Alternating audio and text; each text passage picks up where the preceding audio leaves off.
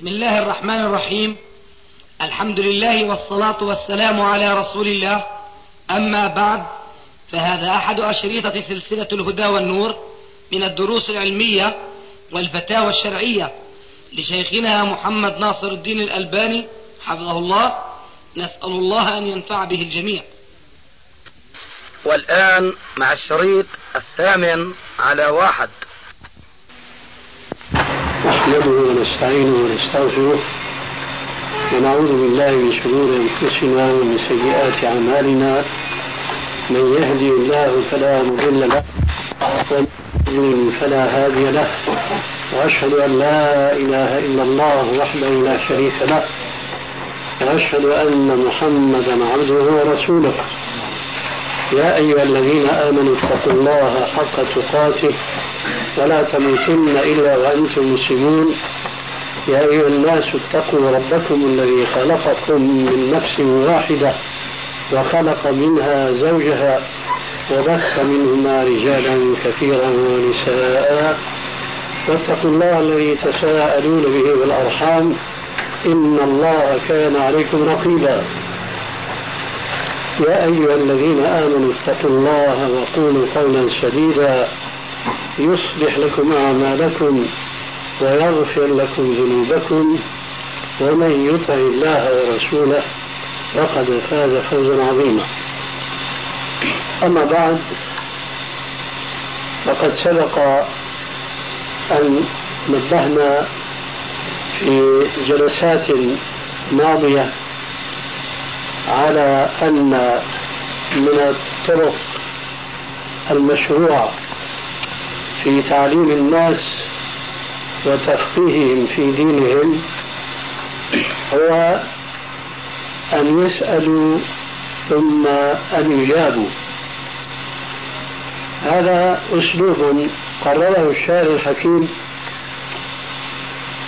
لأنه تبارك وتعالى يعلم أن الناس لا يساقون مساقا واحدا في تعلمهم لأحكام دينهم. ومعلوم لدى الجميع أن الطريقة المتبعة في تلقي العلم إنما هي الحلقات العلمية التي كانت قديما ولا تزال إلى العصر الحاضر قليلا. آه سبيلا لتلقي العلم حيث يجتمع من كان عنده رغبة في طلب العلم مع بعض أهل العلم في المسجد أو في مكان آخر فيتلقون منه العلم الذي يريدونه على جلسات منظمة. وهذا كما لا يخفى على الجميع يتطلب نوعية معينة من الناس من ذلك أن يكونوا أولا راغبين في طلب العلم بطريقة رتيبة منظمة. وثانيا أن يكون عندهم الاستعداد النفسي من ذكاء وحفظ ونحو ذلك. وثالثا وأخيرا أن يكون عندهم الوقت الذي يساعدهم على انتظامهم في طلب العلم بهذه الطريقة من الحلقات العلمية. وكما قلت آنفا كثير من الناس لا يجدون في أنفسهم هذه الخصال التي ينبغي أن تتوفر على طالب العلم. وقد تتوفر في بعضهم ثم لا يتوفر ثم لا يتوفر لهم العالم. الذي ينشدونه ويرغبون أن يتعلموا منه أو يجدونه لكن لا يجدون عنده فراغا. ولذلك فقد شرع الله عز وجل طريقة ووسيلة أخرى لتلقي العلم وكأن هذا الأمر أصبح اليوم حقيقة واقعة بسبب وجود الوسائل المقربة للأصوات وأعني بها بصورة خاصة الهاتف فتكثر الأسئلة بواسطة هذا الهاتف وبذلك يتعلم الناس ما هم بحاجة إليه. ثم من الفوارق التي تظهر بين الطريقة المتبعة سابقا وهي طريقة تلقي العلم من المشايخ وأهل العلم وبين طريقة السؤال والجواب هو أن السؤال يفسح المجال لصاحب السؤال أن يسأل عما يتعلق به شخصيا أو بأهله الذين هو مسؤول عنهم. بينما الطريقة الأولى يتعلم بها ما قد لا يشعر بأنه بحاجة إليها وإن كان فيما بعد لا سيما إذا كان ينشد أن يصبح يوما ما من أهل العلم فسيجد فائدة طلب العلم بتلك الطريقة. لما كان أكثر الناس ليسوا كذلك من أجل هذا كله شرع الله عز وجل هذه الطريقة في طلب العلم ألا وهو السؤال والجواب. كما قال عز وجل في القرآن الكريم فاسألوا أهل الذكر إن كنتم لا تعلمون. الله عز وجل في هذه الآية الكريمة جعل المجتمع الإسلامي وقسمه إلى قسمين من حيث تعلقهم بالعلم. قسم لا يعلم وقسم يعلم. وأوجب على كل من القسمين واجبا. أوجب على الذين لا يعلمون أن يتعلموا بطريق السؤال. وأوجب على الذين يسألون أن يجيبوا. فهذه الآية الصريحة في ذلك فاسألوا أهل الذكر إن كنتم لا تعلمون. وأكد ذلك رسول الله صلى الله عليه وآله وسلم في الحديث الثابت في السنن سنن أبي داود وغيره من حديث جابر بن عبد الله الأنصاري رضي الله عنه. أن النبي صلى الله عليه وآله وسلم أرسل سرية أي جهز جيشا ليجاهدوا في سبيل الله وأمر عليهم أميرا كما هي السنة. السرية هي التي تغزو وليس معها رسول الله صلى الله عليه وسلم. بخلاف الغزوة فهي التي يكون رسول الله صلى الله عليه وسلم هو قائدهم وهو موجههم. فأرسل رسول الله صلى الله عليه وسلم يوما سرية. فذهبوا وقاتلوا الكفار ثم لما أرخى الليل سدوله وظلامه وضعت الحرب أوزارها وصلوا العشاء ثم ناموا وفي الصباح استيقظوا لصلاة الفجر وإذا بأحدهم يجد نفسه قد احتلم فوجب عليه الغسل. ولكنه كان قد أصيب في المعركة بجراحات كثيرة في جسمه. فسأل من حوله لعلهم يجدون له رخصة في أن لا يغتسل وأن يتيمم. قالوا لا لا بد لك من الغسل. فاغتسل رجل وكان عاقبة ذلك أنه مات. اشتدت عليه الحرارة وجراحات أيضا قامت عليه. فكانت نفسه فيها هلكة فلما بلغ خبره رسول الله صلى الله عليه وآله وسلم غضب غضبا شديدا ودعا على الذين أفتوه بعدم جواز التيمم وهو جريح. فقال عليه السلام قتلوه قاتلهم الله ألا سألوا حين جهلوا فإنما شفاء العي السؤال الشاهد من هذا الحديث أن النبي صلى الله عليه وسلم حض الذين أفتوه بغير علم على أنه كان يجب عليهم أن يسألوا ليكون جوابهم نابعا من أهل العلم. أما هم لما كانوا ليسوا من أهل العلم فأفتوهم أفتوه ذلك الجري بجهل فكانت فتواهم سببا لقتله وموته.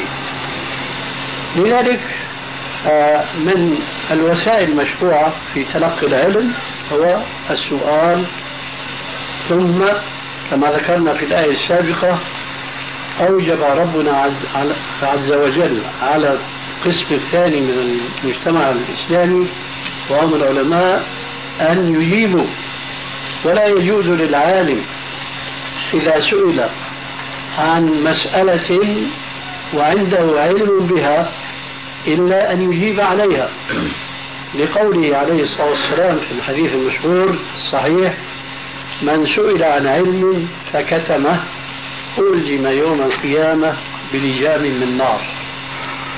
ومن آداب السؤال نقول بهذه المناسبة أن يسأل المسلم عما يتعلق بحياته. سواء حياته الخاصة بنفسه أو بأهله أو بمن يلوذ به أو له علاقة ما به وألا يتعمق في الأسئلة عن أمور آه، خيالية أو بعيدة الوقوع فإن اشتغال المسلم بالواقع خير له من أن يسأل عن شيء يتخيله ولو أنه يتصور أنه قد يكون لأن من أدب علماء السلف رضي الله عنهم أن أحدهم إذا جاءه سائل يسأله عن مسألة قال المسؤول هل وقعت؟ فإن أجاب بنعم أجابه بما عنده من علم. وإن قال لما تقع لسه ما وقعت؟ قال انتظر حتى إذا وقعت سألت. وحينما تقع فلا بد أن الله عز وجل يسخر للسائل من يفتيه بعلم. لهذا نقول من الآداب أن نسمع الآن الأسئلة ونبدأ فيها بالأهم فالأهم ونجيب عليها بما يسر الله عز وجل. مذكرين لكم بأنه ليس من المفروض في العالم أن يجيب عن كل ما يسأل عنه. وقد جاء في بعض الآثار السلفية أن من أجاب عن كل ما يسأل عنه فهو مجنون لأنه كما قال تعالى وما أوتيتم من العلم إلا قليلا فإذا عجزنا عن الإجابة عن بعض الأسئلة فلا يستغربن أحد منكم ذلك لأن هذه طبيعة البشر البشر الذين طبعهم الله عز وجل فيما سمعتم في الآية السابقة وما أوتيتم من العلم إلا قليلا. ولذلك أيضا جاء في بعض الآثار نصف العلم لا أدري. هات ما عندك؟ ورد غير سؤال بعدة صيغ. أدقها ما حكم الجهاد في أفغانستان لغير الأفغانيين؟ نعم.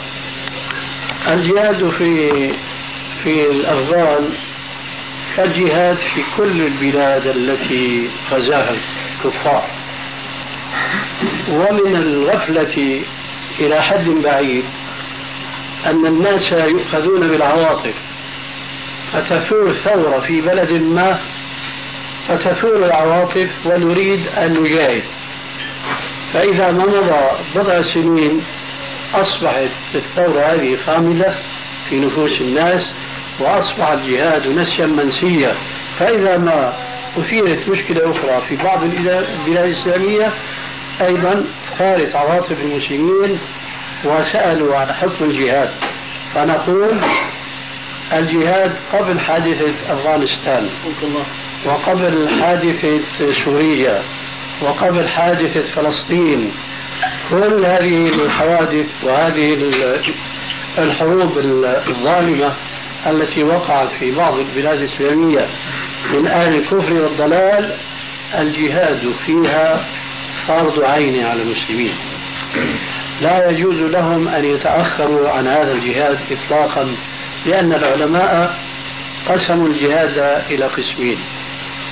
جهاد حكمه فرض العين وجهاد حكمه فرض الكفائي أما الجهاد الأول الذي هو فرض عين فهو إذا ما غزيت بلدة واحدة من بلاد الإسلام فعلى المسلمين أن يخرجوا أو على الأقل أن يخرج جماعة منهم يتحقق بهم الواجب ألا وهو صد هذا الكافر الذي غزا البلد المسلم.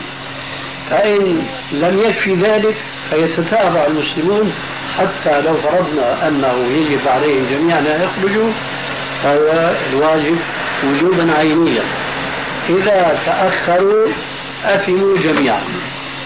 والآن ليست القضية قضية آه، أفغانستان فقط. هذه بلاد قريبة منكم وبعضكم منها شريد وطريد وهي فلسطين. فأصبحت فلسطين الآن مع الأسف الشديد نسيا منسيا. وإلا لا فرق في الجهاد هنا أو هناك كله فرض عين لكن الحقيقة المؤسفة أن المسلمين مع وجود هذا الحكم الصريح وهو أن الجهاد فرض عيني لا يستطيعون الجهاد لا حكومات ولا شعوبا. ذلك لأن المسلمين ابتعدوا مع الأسف عن الجهاد النفسي الذي قال عنه رسول الله صلى الله عليه وآله وسلم المجاهد من جاهد هواه لله. المجاهد من جاهد هواه لله. ونحن نجد اليوم المسلمين بعيدين كل البعد عن مجاهدتهم لأهوائهم ولنفوسهم في عقر دارهم بل وفي عقر بيوتهم مع أهليهم ومع أولادهم.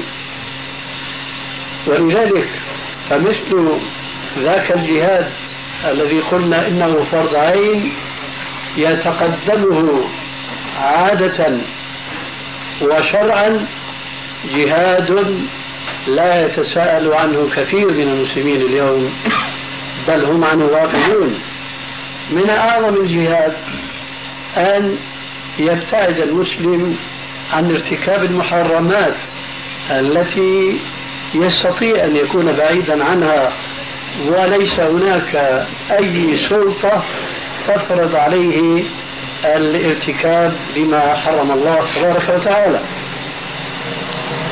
ولقد أشار النبي صلى الله عليه وسلم إلى بعض الأسباب التي تكون سببا لوقوع المسلمين في مثل هذا الذل الذي يدفعنا أن نتساءل ما حكم هذا الجهاد يجب أن ننظر إلى الأسباب التي أودت بالمسلمين إلى محاربة الكافرين إياهم وعدم استطاعة المسلمين صدهم عن بلاد الإسلام ما هي الأسباب؟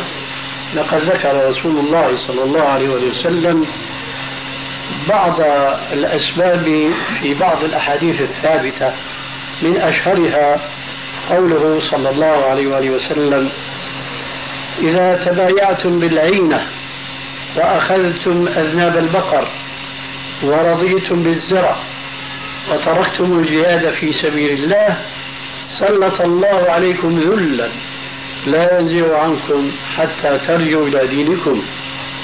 فالرجوع إلى الدين هو الواجب الأول اليوم على المسلمين الذين يريدون أن يجاهدوا في سبيل الله حقا. إلى الدين معناه الرجوع إلى أحكامه التي أنزلها الله تبارك وتعالى على قلب نبيه عليه الصلاة والسلام. وبخاصة الرجوع إلى الكسب الحلال الذي ابتعد عنه كثير من المسلمين إن لم نقل أكثر المسلمين اليوم وبخاصة التجار منهم. إذا ما وقع المسلمون فيها استحقوا الذل أن يقع عليهم من عدوهم. قال عليه السلام إذا تبايعتم بالعينة. التبايع بالعينة؟ ذكرنا أكثر من مرة ولا أريد الآن العود إلى ذلك وإنما هي صورة من صور البيوع المحرمة بل هي صورة من صور البيوع الربوية. وأصل هذا البيع المسمى ببيع العينة ما ابتلي المسلمون به اليوم جميعا إلا قليلا جدا جدا وهو معروف بين ظهرانيكم وواقع وهو بيع التقسيط بيع العينة قائم على بيع التقسيط بيع التقسيط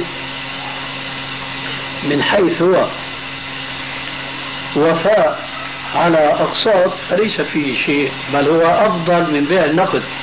لكن إذا استغل هذا البيع بيع التقسيط بثمن زايد عن بيع النقد صار ربا بشهادة قول النبي صلى الله عليه وسلم من باع بيعتين في بيعة فله أوكسهما أو ربا. من باع بيعتين في بيعة فله أوكسهما أي أنقصهما ثمنا أو ربا. اليوم هؤلاء المسلمون الذين يريدون أن يجاهدوا في سبيل الله ويتحمسون للجهاد في سبيل الله ولا سبيل لهم إلى ذلك لما ذكرناه من سبق. لماذا لا يجاهدون أنفسهم؟ فلا يبيعون بيعتين في بيع واحدة بسعرين متفاوتين وهذا لا أحد يفرض عليهم ذلك لأنهم تكالبوا على الدنيا وهذا ما أشار إليه الرسول عليه السلام في تمام الحديث حين قال إذا تبايعتم بالعين وأخذتم أذناب البقر. كناية عن ركض المزارعين فوق وراء زرعهم ووراء أبقارهم وحيواناتهم. التي يستعملونها في تحصيل المال ولا يكفيهم تحصيل هذا المال بطريق الحلال بل ينكبون وراء تحصيل المال حتى يضيعون واجباتهم. كثير من التجار ومن المزارعين ينصرفون عن الصلاة وعن القيام حتى بالواجبات العائلية وراء تهجمهم على هذا الكسب الذي ذكره الرسول عليه السلام في هذا الحديث حيث قال وأخذتم أذناب البقر ورضيتم بالزرع. هذا التكالف في الدنيا هو الداء العضال إذا سيطر على الأمة ماتت فيها غريزة الجهاد الشرعية التي بسبب تكالب الإنسان على المادة لا يبالي بالآخرة. ولذلك جعل الرسول عليه السلام هذه الأسباب سببا شرعيا لاستحقاق المسلمين أن يقع الذل عليهم ثم وصف لهم العلاج في قوله عليه السلام لا يرفع الله هذا الذل حتى ترجعوا إلى دينكم والرجوع إلى الدين. وأوجد الآن كلام لأنه عندنا أسئلة فيما يبدو كثيرة. الرجوع إلى الدين معناه الرجوع إلى فهمه أولا فهما صحيحا على الكتاب والسنة ومنهج السلف الصالح كما ندعو الناس دائما إلى ذلك. وثانيا العمل بهذا الدين الذي فهمناه فهما صحيحا. وأرجو الله عز وجل أن يكون هناك نور بصيص من نور آه، نراه بين المسلمين اليوم. حيث استأنفوا فهمهم لدينهم على ضوء الكتاب والسنة في كثير من البلاد الإسلامية ثم ظهر ذلك أو أثر ذلك على كثير من الشباب المسلم في تعاملهم مع الناس وفي تخلقهم بالأخلاق الإسلامية. بقدر والأمر يحتاج إلى إن شاء الله تتمة ليظهر ثمرة ذلك عما قريب إن شاء الله تبارك وتعالى. يعني أستاذ لا, لا نتمم سؤالا آخر له علاقة بهذا البحث.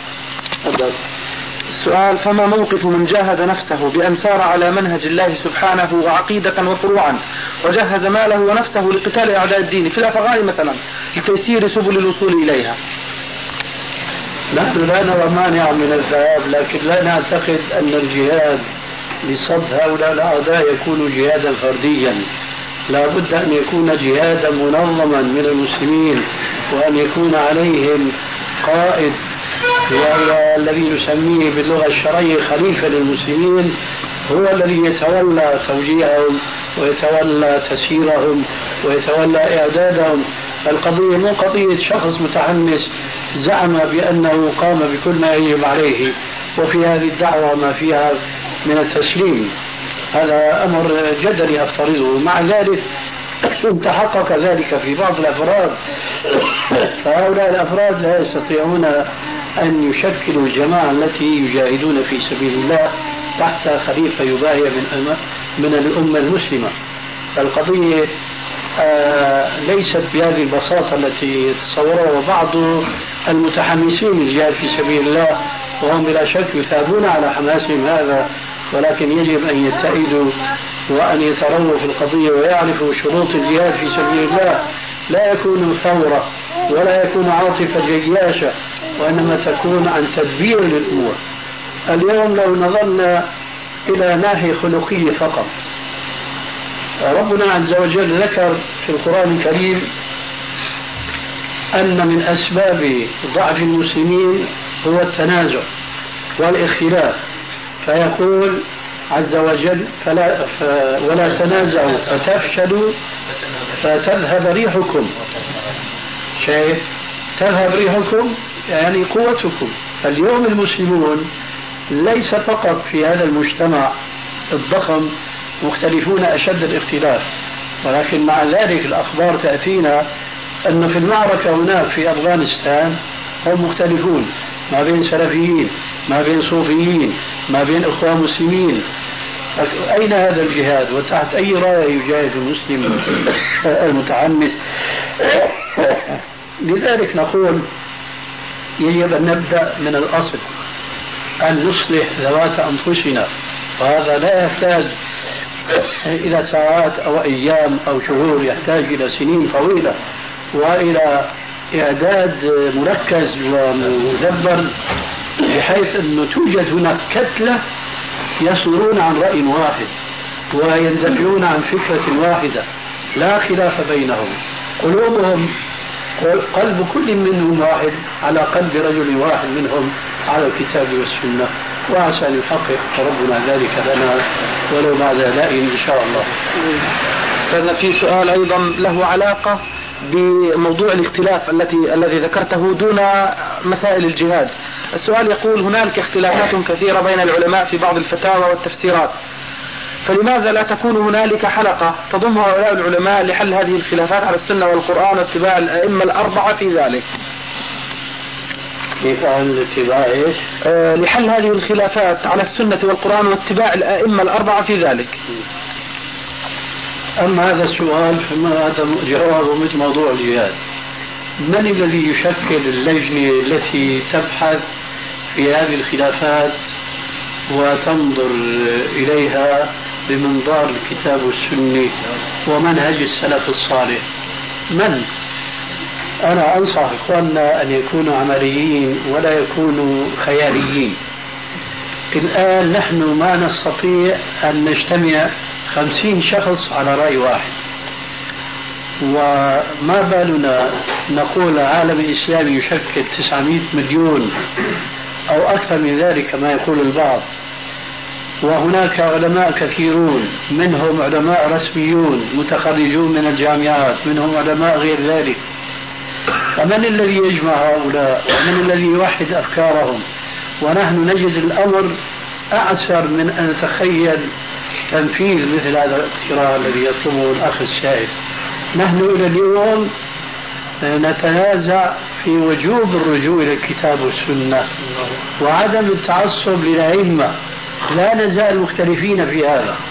كثير من المشايخ هنا وهناك كثير من الدكاترة ولعل بعضكم يذكر في بعض الجرائد أثارت هذه القضية من قريب ورد أخونا علي عليه فأثار هذه النعرة المذهبية التعصب المذهبي وهو دكتور ومتخرج من جامعة ويدرس في جامعة لا يتفق بعد معنا على وجوب رجوع المسلمين فيما اختلفوا فيه من الأحكام الفرعية إلى الكتاب والسنة هذا شيء الشيء الثاني الذي لاحظته من السؤال يقول السائل على اتباع المذاهب الأربع هذا القيد ليس من الواجب على أي عالم مسلم فضلا عن العلماء إذا تيسر لهم هذا الاجتماع الذي يطلبه هذا السائل. ليس من اللازم عليهم بأن يتقيدوا بالمذاهب الأربعة لأن هناك مذاهب أخرى معروفة أن أصحابها كانوا من أئمة المسلمين كسفيان الثوري وكعبد الرحمن بن مهدي وعبد الله المبارك الأوزاعي كل هؤلاء أئمة من المسلمين. لهم آراءهم لهم اجتهاداتهم. فما فرض الله تبارك وتعالى على العلماء المسلمين أن يتقيدوا بمذهب من المذاهب الأربعة. خذوا مثلا واقعيا الآن. لقد كنا منذ أن تفقهت طالق ثلاثا إنما يقع عليها طلقة واحدة. وكان العالم الإسلامي كله إلى ما قبل عشرين أو ثلاثين سنة في المحاكم الشرعية يقضون بأن من قال لزوجته أنت طالق ثلاثا بانت منه بينونة كبرى. لكن أيقظتهم المصائب وليس السنة واتباعها. مع الأسف الشديد. كثرة مشاكل الطلاق في المحاكم الشرعية اضطر بعض القضاة حتى من المتعصبين منهم للمذهب وبخاصة للمذهب الحنفي أن يعيدوا النظر في هذا الفرع مما يسمونه بالأحوال الشخصية.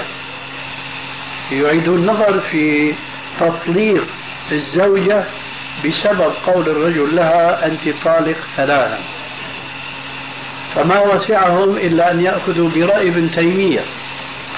ورأي ابن تيمية قائم على حديث صحيح لا يزال موجودا في صحيح مسلم. كان الطلاق في عهد النبي صلى الله عليه وسلم في عهد أبي بكر وشطر من خلافة عمر.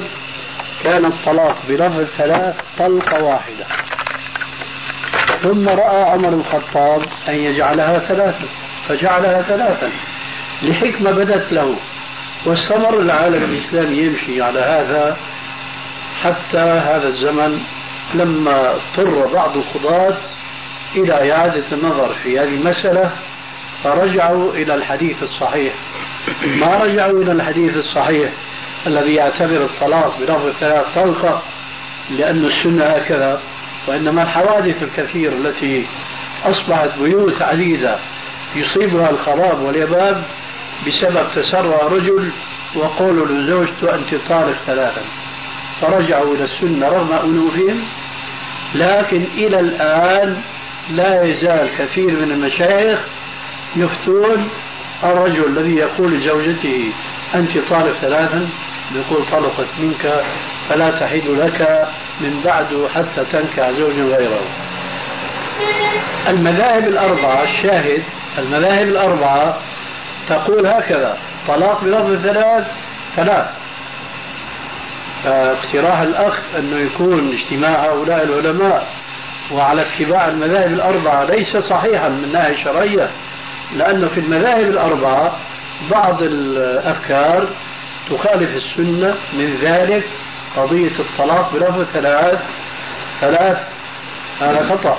مخالف للحديث الذي رواه الإمام مسلم عن ابن عباس رضي الله عنه أن الطلاق بلفظ ثلاث في عهد النبي صلى الله عليه وسلم وعهد أبي بكر وشطر من خلافة عمر كان طلقة واحدة ثم ارتأى عمر أن يجعلها ثلاثا تأديبا له. فإذا الرجوع إلى السنة هو الواجب وليس الرجوع إلى اتباع الأئمة لأنهم أحيانا قد يجتهدون كما اجتهد عمر وتكون السنة في جانب فعلينا أن نتبع السنة سواء كان مع إمام من الأئمة الأربعة أو كان مع إمام آخر من غير الأئمة الأربعة لأنهم لم يشتهروا عند المسلمين. مثلا من الأئمة المعروفين في كتب الفقه والحديث الليث بن سعد المصري. هذا لما يترجمه العلماء يقولون بأنه أعلم من مالك مالك إمام دار الهجرة. يقولون هو أحق بأن يتبع من إمام مالك لكن الإمام مالك حفظه أصحابه أما الليث بن سعد فضيعه أصحابه. كتب لمالك أن يبقى مذهبه أما الليث بن سعد فمذهبه مسطور في كتب الحديث وكتب الآثار. الخلاصة هذا القيد الذي جاء في سؤال السائل في آخره ليس باللازم على علماء المسلمين آه، إذا اجتمعوا أن يلتزموا به وكذلك فليس باللازم على علماء المسلمين ولو لم يتيسر لهم الاجتماع إذا ما اجتهدوا في بعض المسائل إلا أن يتجموا السنة سواء وافقت المذاهب الأربع أو لم توافق غيره سؤال له علاقة أيضا بمسألة الطلاق التي تطرقت إليها وهو هل الإشهاد شرط لصحة الطلاق؟ نعم لأن هناك قاعدة للعلماء أن الطلاق البدعي محرم ثم اختلفوا هل الطلاق البدعي يقع فيما إذا أوقعه الرجل هل ينفذ أم لا ينفذ؟ قولان للعلماء منهم من يقول ينفذ ومنهم من يقول لا ينفذ وهذا هو الأصل أن الطلاق البدعي لا يقع لقوله عليه الصلاة والسلام من أحدث في أمرنا هذا ما ليس منه فهو رد. من أحدث في أمرنا هذا ما ليس منه فهو رد أي مردود على صاحبه. فإذا عرفنا هذه القاعدة وتذكرنا حديث عمران بن حسين في سنن أبي داود أن السنة في الطلاق الإشهاد حينئذ يكون الطلاق بغير إشهاد طلاقا بدعيا. يضاف إلى هذا أنه لا يرتاب عاقل في أن الطلاق بالنسبة للنكاح هو كالهدم بالنسبة للبناء. فإنسان يبني دارا ثم يهدمها. يبني دارا ينفق عليها أموال طائلة وأوقات عديدة وتكاليف ثم إذا ما أراد هدمها هدمها بساعة من نهار. الهدم أصعب من البناء لأنه يضيع على الإنسان جهود كثيرة وكثيرة جدا. النكاح هو بناء للأسرة. حينما يتزوج المسلم فإنما يضع الأساس لإقامة أسرة مسلمة. وكلنا يعلم قول الرسول صلى الله عليه وسلم لا نكاح إلا بولي وشاهدي عدل. فأي نكاح لم يتحقق فيه شهود العدول فلا يعتبر نكاحا شرعيا وهو بناء فالطلاق الذي قلنا إنه أخطر من هذا النكاح فهو كالهدم بالنسبة للبناء العقل والنظر السليم يؤيد أن يشترط فيه الإشهاد. ومعنى ذلك أن إنسانا ما قرر وعزم كما قال عز وجل فإن عزموا الطلاق فإن الله من بعدها لغفور رحيم. عزم على الطلاق ولكن هذا الطلاق وضع له الشارع الحكيم شروطا وهذه الشروط هي في الواقع كالعرقلة لمنع وقوع هذا الطلاق لأن الطلاق كما قلنا يترتب من ورائه هدم الأسرة. فقال أن السنة الإشهاد. فكأن الشارع الحكيم يقول للمطلق لو عزمت على الطلاق وأردت تنفيذه فآتي بالشاهدين. كما إذا أردت أن تنكح فخذ إذن الولي وأتي بالشاهدين وإلا فلا نكاح لك. هذا هو الجواب عن ذاك السؤال. ترى الشهود بيكونوا كيف؟ إخطاء الشهود. نعم. يكون ذكورا أم إناثا أم تفتش للناس أيضا. إذا كان الضعف ما في مانع.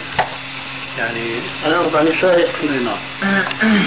قلتم في بعض مجالسكم أن الخطأ في مسألة تكفير تارك الصلاة مفتاح لباب من أبواب الضلال. نرجو أن تفصلوا لنا القول في هذه المسألة. تفصيل هذه المسألة هو ما تكلمنا عنه مرارا وتكرارا تفريق. بين الكفر الاعتقادي والكفر العملي لأن تارك الصلاة له حالتان إما أن يؤمن بها إما أن يؤمن بها بشرعيتها وإما أن يجحد شرعيتها. ففي الحالة الثانية هذه فهو كافر بإجماع المسلمين. وكذلك كل من جحد أمرا معلوما من الدين بالضرورة. من جحد الصيام مثلا فهو كافر الحج إلى آخر ما هنالك من أمور معروفة عند المسلمين جميعا أنها من ضروريات الدين. فهذا لا خلاف فيه. من جحد شرعية الصلاة فهو كافر. لكن إذا كان هناك رجل لا يجحد الصلاة يعترف بشرعيتها ولكن من حيث العمل هو لا يقوم بها لا يصلي. وربما لا يصلي مطلقا وربما يصلي تارة وتارة. ففي هذه الحالة إذا قلنا هذا رجل كفر ما يصدق عليه هذا الكلام بإطلاقه لأن الكفر هو الجحد وهو لا يجحد شرعية الصلاة كما قال تعالى بالنسبة للكفار وجحدوا بها واستيقنتها أنفسهم. فإذا أخذنا مثالا زيدا من الناس لا يصلي. ولكن حينما يسأل لماذا لا تصلي يا أخي؟ يقول لك الله يتوب علي والله الدنيا شاغلتني هالأولاد شاغليني. من هذا الكلام. هذا الكلام طبعا ليس له عذر مطلقا. لكن يعطينا فائدة لا نعرفها نحن لأننا لا نطلع على ما في قلبه. يعطينا فائدة أن رجل يؤمن بشرعية الصلاة. بخلاف ما لو كان الجواب لا سمح الله يا أخي الصلاة هي راح وقتها هي كانت بزمن يعني كانوا الناس يعني غير مثقفين كانوا وسخين كانوا بحاجة إلى نوعية من النظافة والطهارة والرياضة. وهذا الآن ذهب زمانه الآن في وسائل جديدة تغنينا عن الصلاة. هذا كفر فإلى جهنم وبئس المصير. أما إذا كان الجواب هو الأول ليه ما بتصلي؟ الله يتوب علينا الله يلعن الشيطان. من هالكلام اللي بينبينا أن رجل لا ينكر شرعية الصلاة. فإذا قلنا هذا رجل كافر يكون خالفنا الواقع. لأنه هذا رجل مؤمن مؤمن بشرعية الصلاة مؤمن بالإسلام كله. فكيف نكفره؟ من هنا نحن نقول لا فرق بين تارك الصلاة وتارك الصيام وتارك الحج وتارك أي شيء من العبادات العملية في أنه يكفر وأنه لا يكفر. متى يكفر؟ إذا جحد. متى لا يكفر؟ إذا آمن. فالمؤمن لا يجوز تكفيره قولا واحدا وعلى ذلك جاءت الأحاديث الكثيرة التي آخرها أدخلوا الجنة من قال لا إله إلا الله وليس له من العمل مثقال ذرة لكن له مثقال ذرة من إيمان فهذا الإيمان هو الذي آه، يمنعه من أن يخلد في النار ويدخل الجنة ولو بعد أن صار فحما أسود. لكن هذا الذي يشهد أن لا إله إلا الله وأن محمد رسول الله ويؤمن بكل ما جاء عن الله ورسوله لكن لا يصلي أو لا يصوم أو لا يحج أو نحو ذلك أو يسرق أو يزني. كل هذه الأمور لا فرق فيها إذا ما وضعت في ميزان الكفر العملي والكفر الاعتقادي. رجل مثلا يزني هل نكفره ستقولون لا. أنا أقول لا. رويدا. ننظر. هل يقول الزنا حرام؟ أم يقول كما يقول بعض الجهال بلا حرام بلا حلال. إذا قال هذه كلمة كفر. كذلك السارق. أي ذنب؟ الرجل الذي مثلا يستغيب الناس. قل له اتق الله. الرسول قال الغيبة ذكرك أخاك بما يكره. يقول بلى قال الرسول بلى كذا. كفر. هكذا كل الأحكام الشرعية سواء ما كان منها حكم إيجابي بمعنى فرض من الفرائض أو كان حكما سلبيا بمعنى المحرمات يجب أن يبتعد عنها. فإذا استحل شيء من هذه المحرمات بقلبه كفر. لكن إذا وقع عمليا وهو معتقد أنه عاصي لا يكفر. فلا فرق في هذا بين الأحكام الشرعية كلها سواء ما كانت من الفرائض أو ما كانت محرمات الفرائض يجب القيام بها ولا يجوز تركها لكن من تركها كسلا لم يجوز تكفيره. من تركها جحدا كفر. من استحل شيء من المحرمات كذلك يكفر لا فرق في هذا أبدا بين الواجبات وبين المحرمات. هذا ما أردت أنا بكلمتي السابقة نعم. أستاذنا ذهب بعض أهل العلم رحمهم الله تعالى إلى تفسير قول رسول الله صلى الله تعالى عليه وسلم الحم الموت بأنه أبو الزوج. فماذا ترون في ذلك؟ جزاكم الله خيرا. بأنه أبو الزوج. قول الزمخشري نعم. قال الحق الموت.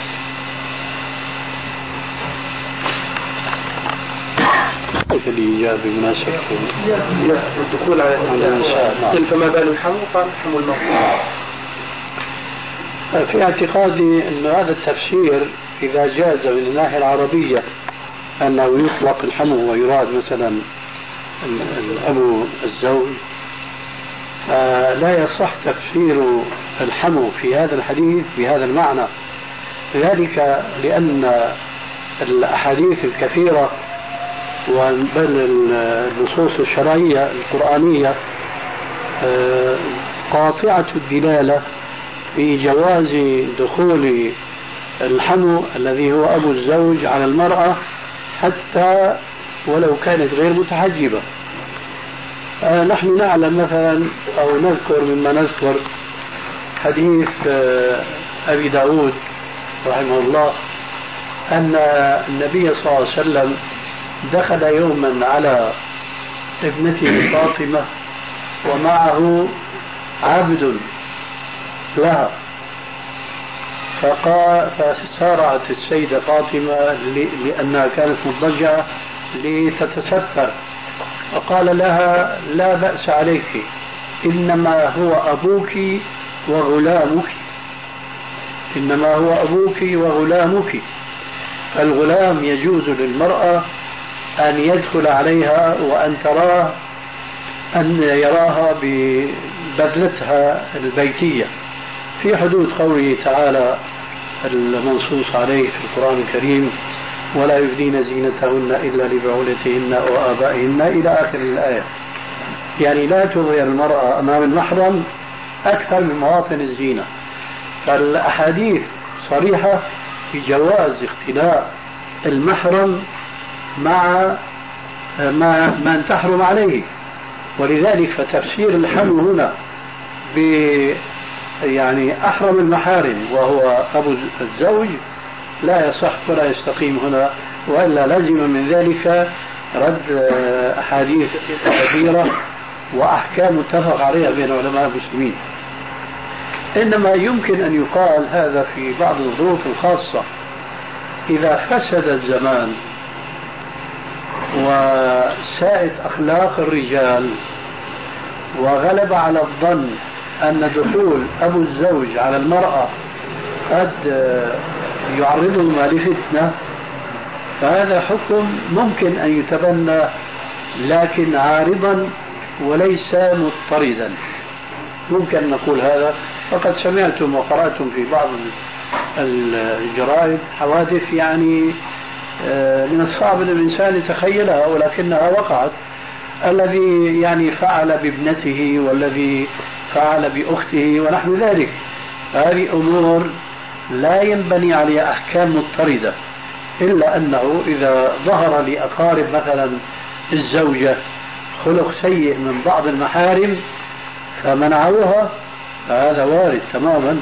لكن لا يجوز أن يجعل حكما مضطردا ساريا لأنه يخالف ما ذكرنا من الأدلة غيره آه، وصفكم بعض أهل العلم في مكة المكرمة بقوله الحافظ الألباني فعندما سئل عن ذلك قال هو. يعني أنك وقفت على ما لم يقف عليه من قبلك من أهل العلم وأيد ذلك بقول الحافظ بن حجر العسقلاني في ترجمة شيخه العراقي من إنباء الغمر بأن الحفظ المعرفة ووقفت أنت وعرفت من المتون والأسانيد ما يزيد على ذلك فما رأيكم؟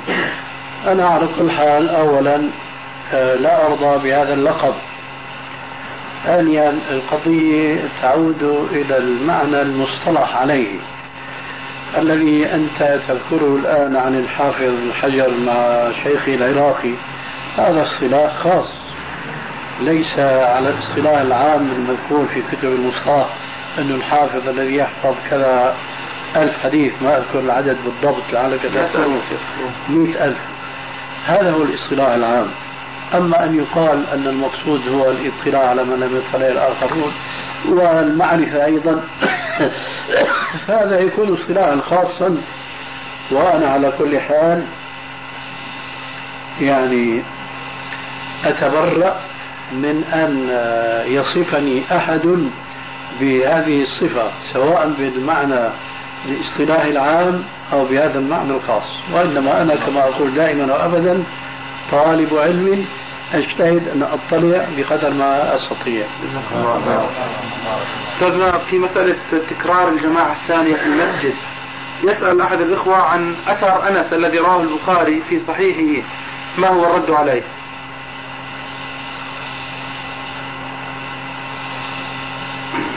طبعا أنت تريد ما هو الجواب نعم. أما نحن لا نرد عليه أولا نريد أن نلفت النظر أن هذا الأثر في صحيح البخاري معلق وليس بمسند. لكنه أسند في خارج الصحيح بالسند الصحيح. هو ثابت عن أنس. لكن ليس له علاقة بالموضوع الذي تبنيناه اتباعا لما كان عليه السلف من الناحية العملية ثم اتباعا لأكثر الأئمة الأربعة الذين نصوا على أنه لا تشرع تكرار الجماعة في المسجد الواحد. لكننا نقول تبعا له أيضا هذا المسجد الذي لا تشرع فيه تكرار الجماعة ليس كل مسجد وإنما له مواصفات. المسجد التي الذي لا تشرع فيه تكرار الجماعة هو مسجد له إمام راتب وله مؤذن راتب. عليكم السلام. له إمام راتب ومؤذن راتب. هذا المسجد إذا دخل إليه جماعة ووجدوا الإمام قد صلى يصلون فرادى كما قال الإمام الشافعي في كتابه الأم. إذا عرفنا هذين الشرطين الذي فحواهما أن ليس كل مسجد تكره فيه صلاة صلاة الجماعة الثانية وإنما مسجد بهذين الشرطين. ورجعنا إلى أثر أنس بن مالك. ليس في هذا الأثر بيان أن هذا المسجد كان له إمام راتب ومؤذن راتب. وحينئذ فليس له علاقة بالموضوع إطلاقا لأننا لا نقول نحن بقراءة تكرار الجماعة في كل مسجد وإنما بمسجد توفر فيه الشرطان السابقان ذكرا. الإمام الراتب والمؤذن الراتب. هذا من ناحية. من ناحية أخرى ممكن الإنسان أن يقيم جماعة في مسجد له إمام راتب وله مؤذن راتب لكن يكون له عذر. أنا أعرف من نفسي حينما كنت أسافر من دمشق إلى حلب كانت تدركنا الصلاة في الطريق. فندخل مسجدا. نراقب المسجد. في أحد؟ لأنه الناس صلوا وانتهوا. ومسجد في قرية بطبيعة الحال. فإن وجدنا ناس هناك صلينا فرادى. وإن لم نجد صلينا في زاوية المسجد. لأن المعذور الذي يخشى أن يقع من القول بتكرار الجماعة هو أن يتحقق هذا الواقع المؤلم الموجود اليوم في كثير من المساجد هنا وهناك. مسجد بني أمية في دمشق من أكبر المساجد في العالم الإسلامي كله. كنا ندخل بعد صلاة العصر قريب من المغرب وتجد هناك جماعة يصلون صلاة العصر. الله أعلم كم جماعة أقيمت ما بين العصر وما بين المغرب. هذا تفريق لجماعة المسلمين. الحكمة من عدم شرعية الجماعة الثانية في المسجد الذي له إمام راتب ومؤذن راتب هو المحافظة على تكفير الجماعة الأولى. فإذا ما تساهل المسلمون كما هو واقع اليوم عددوا الجماعات قلت الجماعة الأولى ولذلك تجد المساجد لا تمتلئ بالمصلين في الجماعات بخلاف يوم الجمعة. أنا أعرف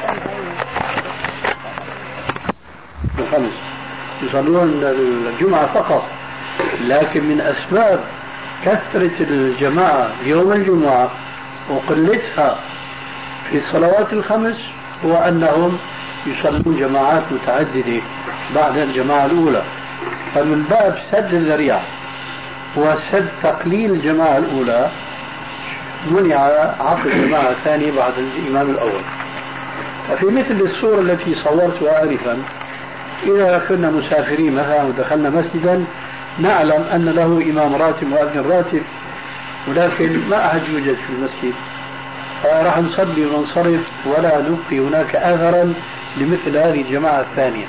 فممكن أن يكون وضع أنس في تلك الصلاة صلاها لاحظ ما نلاحظه نحن ويمكن أن يكون غير ذلك. لكن الذي يمكن أن يقال على أقل احتمال أن هذا الأثر لا يوجد فيه وصف لذاك المسجد وأنه كان له إمام راتب ومؤذن راتب ولذلك فلا ينقض بهذا الأثر ما ثبت من تعامل المسلمين في القرون الأولى في محافظتهم على الجماعة الأولى. ثم نذكر بما يناقض هذا الأثر لو فرضنا أن فيه دليلا لشرعية الجماعة الثانية. يعارضه مع الفرضية المذكورة. أثر عبد الله بن مسعود رضي الله عنه أنه خرج مع صاحبيه له إلى المسجد لصلاة الظهر فيما أذكر وإذا بالناس يخرجون من المسجد يعني انتهت صلاة الجماعة. فما دخل بهم المسجد وإنما رجع فصلى في الدار. وهو يعلم يقينا قول الرسول عليه السلام أفضل صلاة المرء في بيته إلا المكتوبة. فما الذي منعه أن يدخل المسجد ويصلي في المسجد؟ جماعة يعلم أنه لا تشرع الجماعة الثانية في مسجد صلى فيه هذا الإمام. ولذلك آثر أن يصلي جماعة في الدار على أن يصلي جماعة في المسجد لأنه هكذا جرت سنة الرسول عليه السلام والصحابة. كما قال الحسن البصري كان أصحاب النبي صلى الله عليه وسلم إذا دخلوا المسجد فوجدوا الإمام قد صلى صلوا فرادا وهذا الأثر رواه ابن أبي شيبة بسند قوي عن الحسن البصري.